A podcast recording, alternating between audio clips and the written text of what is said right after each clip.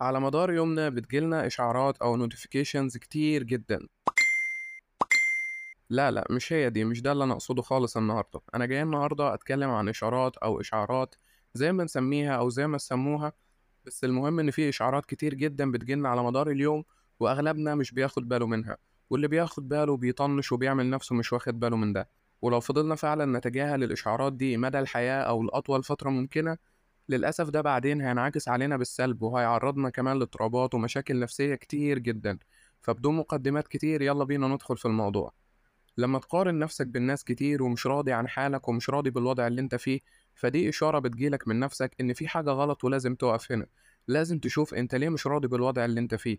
تشوف الناس اللي انت بتقارن نفسك بيهم هو انت فعلا بتقارن نفسك بيهم علشان عايز تتطور وتفضل في الأحسن ولا انت من جواك كده في سنة حقد كده شوية ونفسك فعلا تكون أنت المتشاف وأنت اللي تكون رقم واحد على الساحة. فهنا في مشكلة نفسية لازم نقف عندها ولازم نعالج الموضوع ولازم نشوفه من جذوره. طب هنعالج حاجة زي كده إزاي؟ أو هنكتشف حاجة زي كده إزاي؟ راقب نفسك على مدار اليوم. شوف أنت بتقارن نفسك بمين وبتقول إيه لنفسك لما بتقارن نفسك بيه. طب الشخص ده لما بيعمل حاجة حلوة أو بيعمل إنجاز بتكون فرحان من قلبك للشخص ده ولا بتكون زعلان ومقهور كده وحاقد عليه في نفسك وحاسس إن لأ أنا أستحق أكون كده؟ واستحق أكون الأفضل واستحق أكون أفضل منه. هنا بقى بنحتاج إن إحنا نرجع لورا كتير جدا وممكن نرجع لطفولتنا كمان ونشوف إحنا نشأنا إزاي.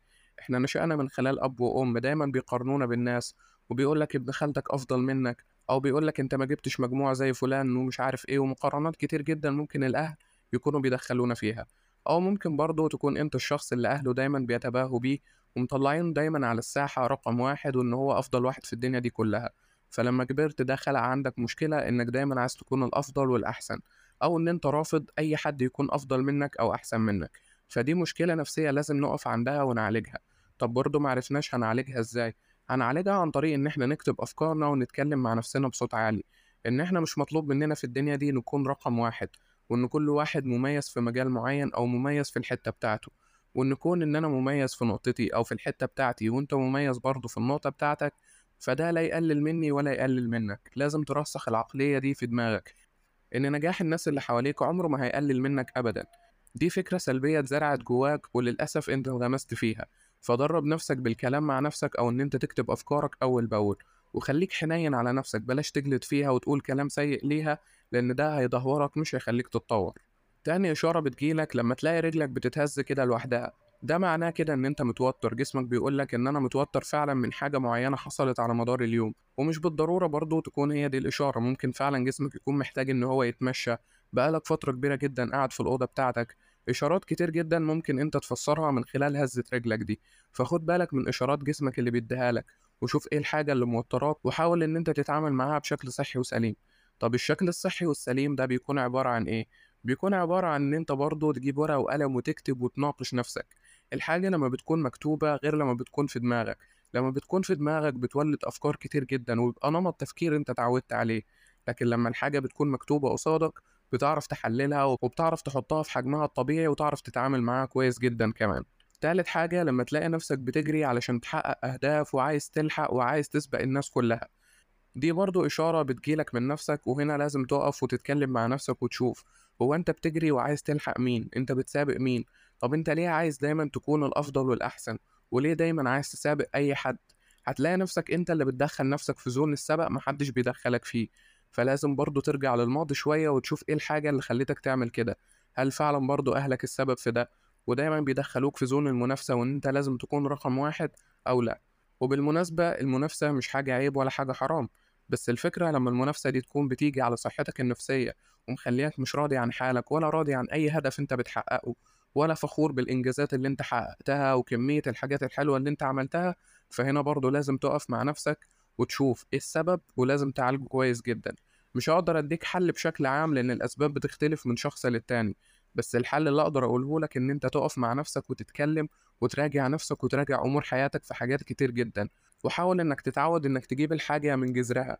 من جذرها بمعنى إيه؟ يعني ما تفكرش إمبارح إيه اللي حصل أو النهارده إيه اللي حصل ماشي لازم تفكر في الموقف اللي حصل خلاك فعلا تشوف الموضوع بالرؤية دي أو إن أنت عايز تجري وعايز تلحق.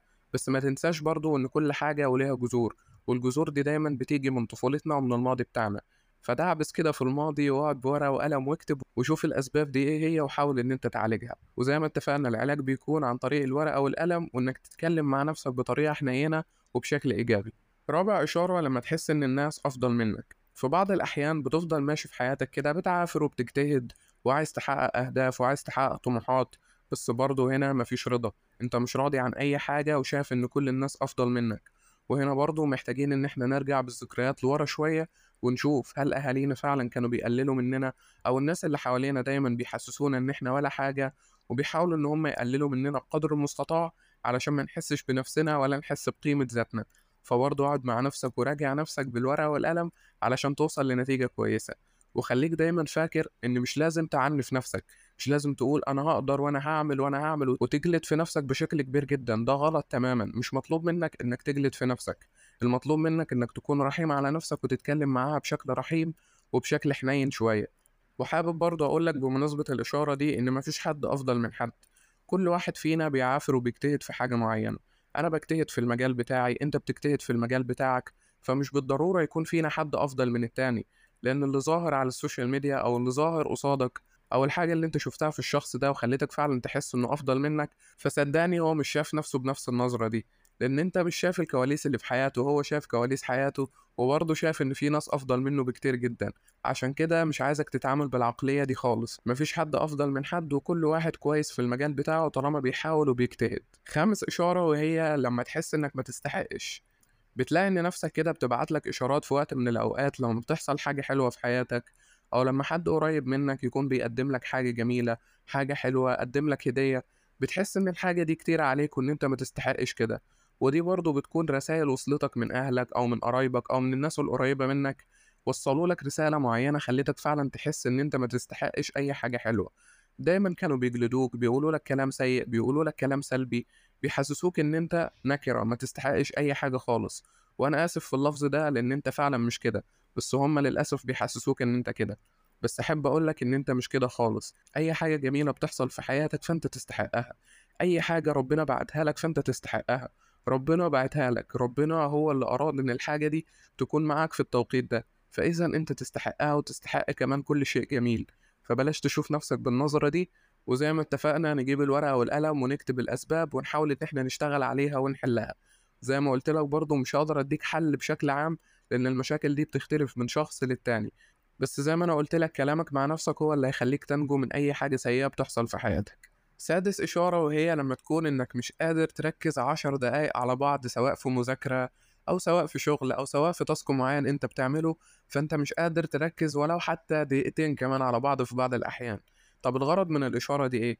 هنا بقى جسمك بيقولك إن في حاجة غلط أنت بتعملها على مدار يومك. ممكن تكون الحاجة دي بإنك ساحل نفسك على ال social media وقاعد تعمل scroll بشكل كبير جدا وبتدخل من فكرة للتانية من post للتاني من فيديو للتالت للعاشر للعشرين.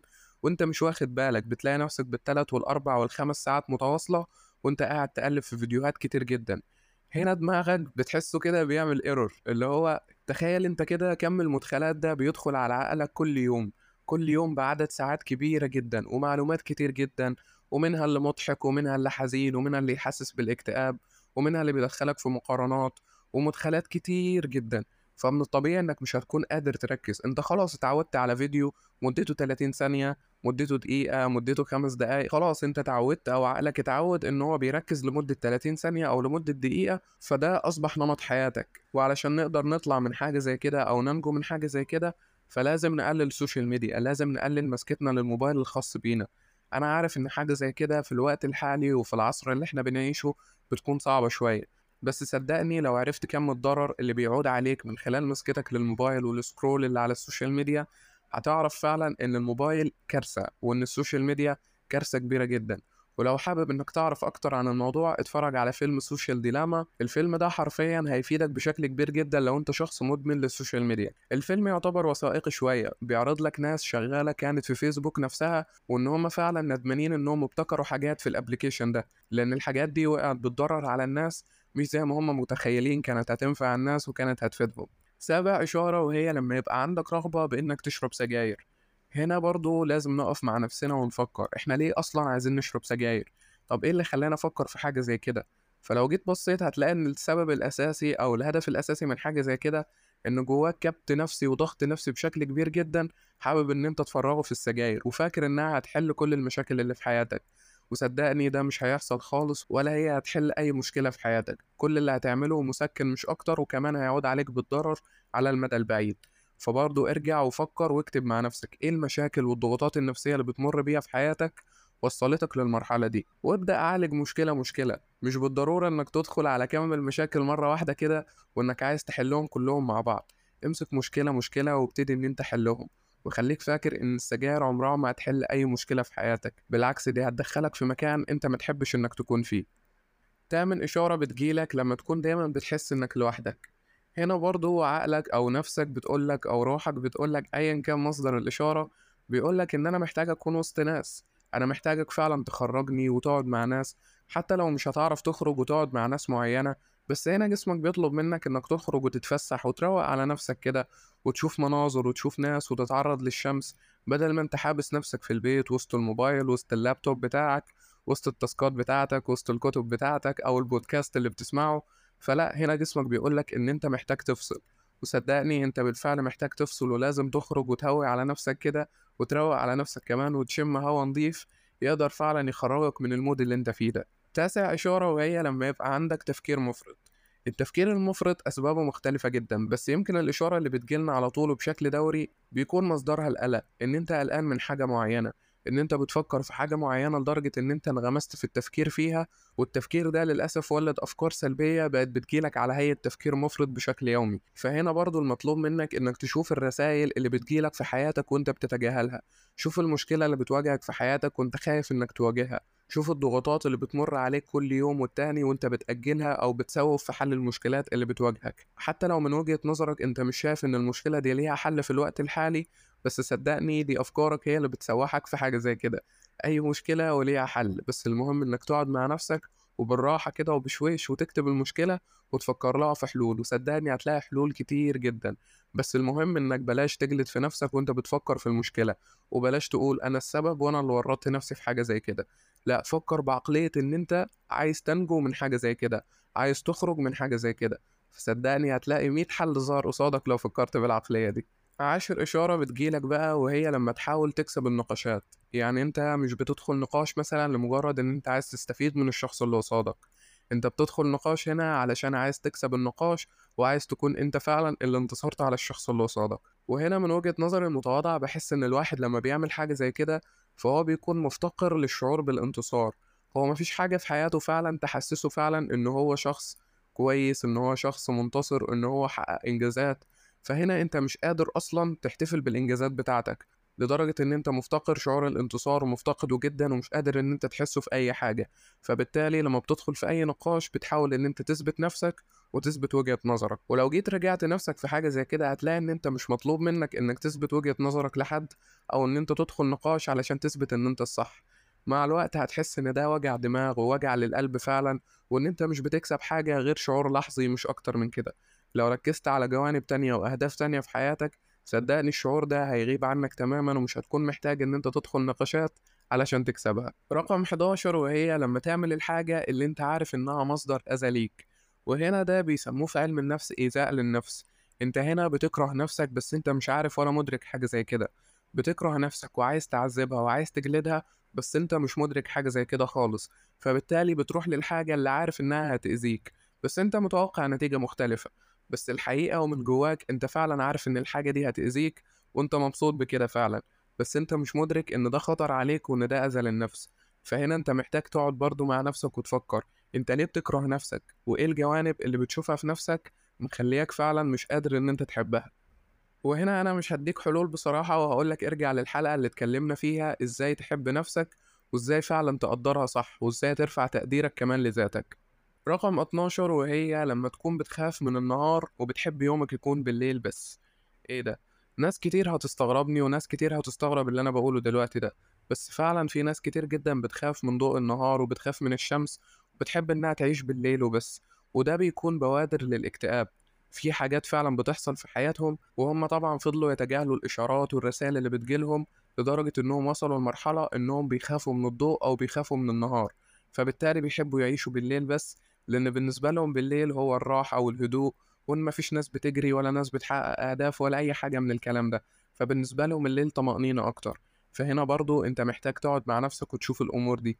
وأنصحك كمان لو وصلت لمرحلة زي كده إنك تروح لثيرابيست وهو هيساعدك في نقطة زي كده علشان يقدر يعرف الأسباب اللي وصلتك للمرحلة دي. ومن هنا ننتقل للإشارة اللي بعدها وهي لما تفكر في بكرة وتخاف منه. هنا برضو لازم نقف مع نفسنا لأن هنا دي بوادر اضطراب القلق. ومش شرط وبالضرورة يكون اضطراب بس هنا فعلا أنت عندك قلق بشكل كبير جدا من بكرة. خايف من بكرة وخايف إن يحصل حاجات كتير جدا. وبتنغمس في التفكير و overthinking وأفكار كتير جدا بتهجم عليك وكلها أفكار سلبية. فأنت هنا خايف من بكرة. فبرضه جسمك بيقولك أو عقلك بيقولك اهدى واقعد مع نفسك كده وفكر. أنت إيه الحاجات اللي خايف منها؟ وإيه اللي بيحصل في حياتك النهاردة مخليك خايف من بكرة؟ أسئلة كتير جدا لازم تجاوب عليها. لازم تعرف إيه اللي بيحصل في حياتك مخوفك للدرجة دي. وإيه اللي بيحصل أصلا مخليك بتهرب وعايز تفكر في بكرة مش عايز تفكر في الوقت الحالي واللي أنت فيه دلوقتي. وكذلك برضو العكس صحيح يعني ممكن تلاقي برضو مش بالضرورة حد بيفكر في المستقبل. هتلاقي واحد بينغمس في الماضي بشكل كبير جدا وبيحن للذكريات وبيفكر في حاجات مؤلمة وبيفكر في حاجات بتفرحه ومش عايش معانا في الدنيا دي خالص هو عايش في الماضي وبس. وهنا برضه لازم تقف مع نفسك لأن هنا في حاجة بتحصل في حياتك أنت مش متقبلها. تفكيرك في الماضي أو تفكيرك في المستقبل معناه إن أنت مش متقبل الحاضر اللي أنت فيه دلوقتي. بسبب أشياء معينة بتحصل فيه فأنت مش قادر إنك تتقبلها فبتهرب سواء بالتفكير في الماضي أو سواء بالتفكير في المستقبل. وأغلب حالات الهروب بتكون في التفكير في الماضي إن أنت بتحن لحاجة قديمة حصلت أو إن أنت بتفكر في حاجات مؤلمة لسه مأثرة فيك لحد دلوقتي. وسواء أنت متقبل الوضع اللي أنت فيه أو لأ ففكرة إن أنت بتفكر في الماضي وبترجع له كتير فمعناه إن في ندوب كتير جدا ما اتعالجتش من وقتها. في حوادث كتير حصلت في حياتك ومش حوادث سيارات أو عربية خبطتك لا قدر الله. بس في مواقف معينة جسمك لحد دلوقتي مش قادر إن هو ينساها روحك مش قادر إنها تنساها عقلك مش قادر إن هو ينساها حاجات كتير أنت لسه ما تجاوزتهاش أنت عملت لها تجاهل بس مش أكتر فبالتالي من كل فترة والتانية أنت بتقعد ترجع لها. عشان كده لازم نقعد مع نفسنا ولازم نتصالح مع الحاجة دي وعلشان نتصالح مع الندوب اللي موجودة عندنا في الماضي لازم نقعد مع نفسنا ونفكر فيها. لو الندوب دي كانت على هيئة أشخاص ممكن نرجع ونتكلم معاهم علشان نقفل كل الصفحات القديمة اللي كانت مفتوحة أو مازالت مفتوحة. طب اللحظات دي لو كانت لحظات يأس أو لحظات ضعف أو لحظات انكسار أتصالح معاها إزاي؟ أتصالح معاها عن طريق إن أنا أفكر فيها بعقلية إن لولا الحاجات دي ما حصلت في حياتي ما كنتش أكون الشخص اللي أنا موجود عليه النهاردة. بنفس مستوى النجاح بنفس مستوى النضج في التفكير بنفس مستوى الاتزان في النفس. حاجات كتير جدا حلوة حصلت بفضل الماضي والذكريات اللي حصلت فيه. بس ضروري إنك تقعد مع نفسك وتكتبها قصادك. بلاش تفكر فيها في دماغك وبس لأن كده أنت مش هتحل أي حاجة خالص بالعكس أنت هتنغمس في التفكير أكتر ومش هتعرف تتصالح مع أي حاجة خالص. ويا ريت يكون جنبك مشروبك المفضل علشان يلحقك لو انغمست في التفكير ويروق عليك شوية بشوية دوبامين كده. آخر حاجة وآخر إشارة جسمك بيبعتها لك أو روحك بتبعتها لك لما تحن لشخص كان بيأذيك فعلا نفسيا أو جسديا. حقيقي دي حاجة صعبة جدا ممكن تحصل لأي حد إن هو يحن لشخص كان بيأذيه فعلا. وهنا لازم نقف عند الإشارة دي ونفكر. نشوف إيه الاحتياج اللي كان بيعمله الشخص ده أو كان بيلبيه في حياتنا مخلينا فعلا عايزين نرجع له أو بنفكر فيه بشكل إيجابي رغم كل الحاجات السيئة اللي كان بيعملها فينا. فلازم نشوف إيه الاحتياج اللي هو كان بيعمله ونحاول إن إحنا نلبيه عن طريق العلاقات اللي حوالينا دلوقتي أو نحاول إن إحنا نشبعه ذاتيا مننا لنفسنا. لأن صدقني لو لحقت إن أنت رجعت للشخص اللي أذاك من تاني وكررت نفس الدايرة اللي حصلت في الماضي أنت كده مش هتكون مبسوط أنت كده هتكون قررت أكبر غلطة حصلت وبتحصل وهتحصل في حياتك. دي كانت حلقتنا النهاردة آسف لو كنت طولت عليكم بس من الضروري فعلا إن إحنا ننتبه لكل الإشارات وكل الرسائل اللي بتجيلنا على مدار اليوم. الإشارات دي ممكن تفدينا من مشاعر كتير وحشة ممكن نعيشها ممكن تفدينا من اضطرابات نفسية كتير جدا ممكن نتعرض لها في المستقبل. افتكر إن بداية كل اضطراب نفسي أو مرض نفسي بيحصل فبتكون بدايته فكرة. فبيكون بدايته فعل أنت مش مدركه. بيكون بدايته عدم إدراك لنفسك عدم حب لنفسك عدم تقدير لنفسك أو صدمة تعرضت لها وأنت تجاهلت ده وتجاهلت شعورك. فتجاهل نفسك دي أصعب حاجة وأقصى حاجة ممكن تعملها تجاه نفسك. فبلاش تتجاهل نفسك وبلاش تتجاهل أي إشارة ممكن تجيلك من خلال نفسك أو على مدار يومك. أشوفكم على خير دايما في حلقة جديدة وبودكاست قهوة بدون سكر.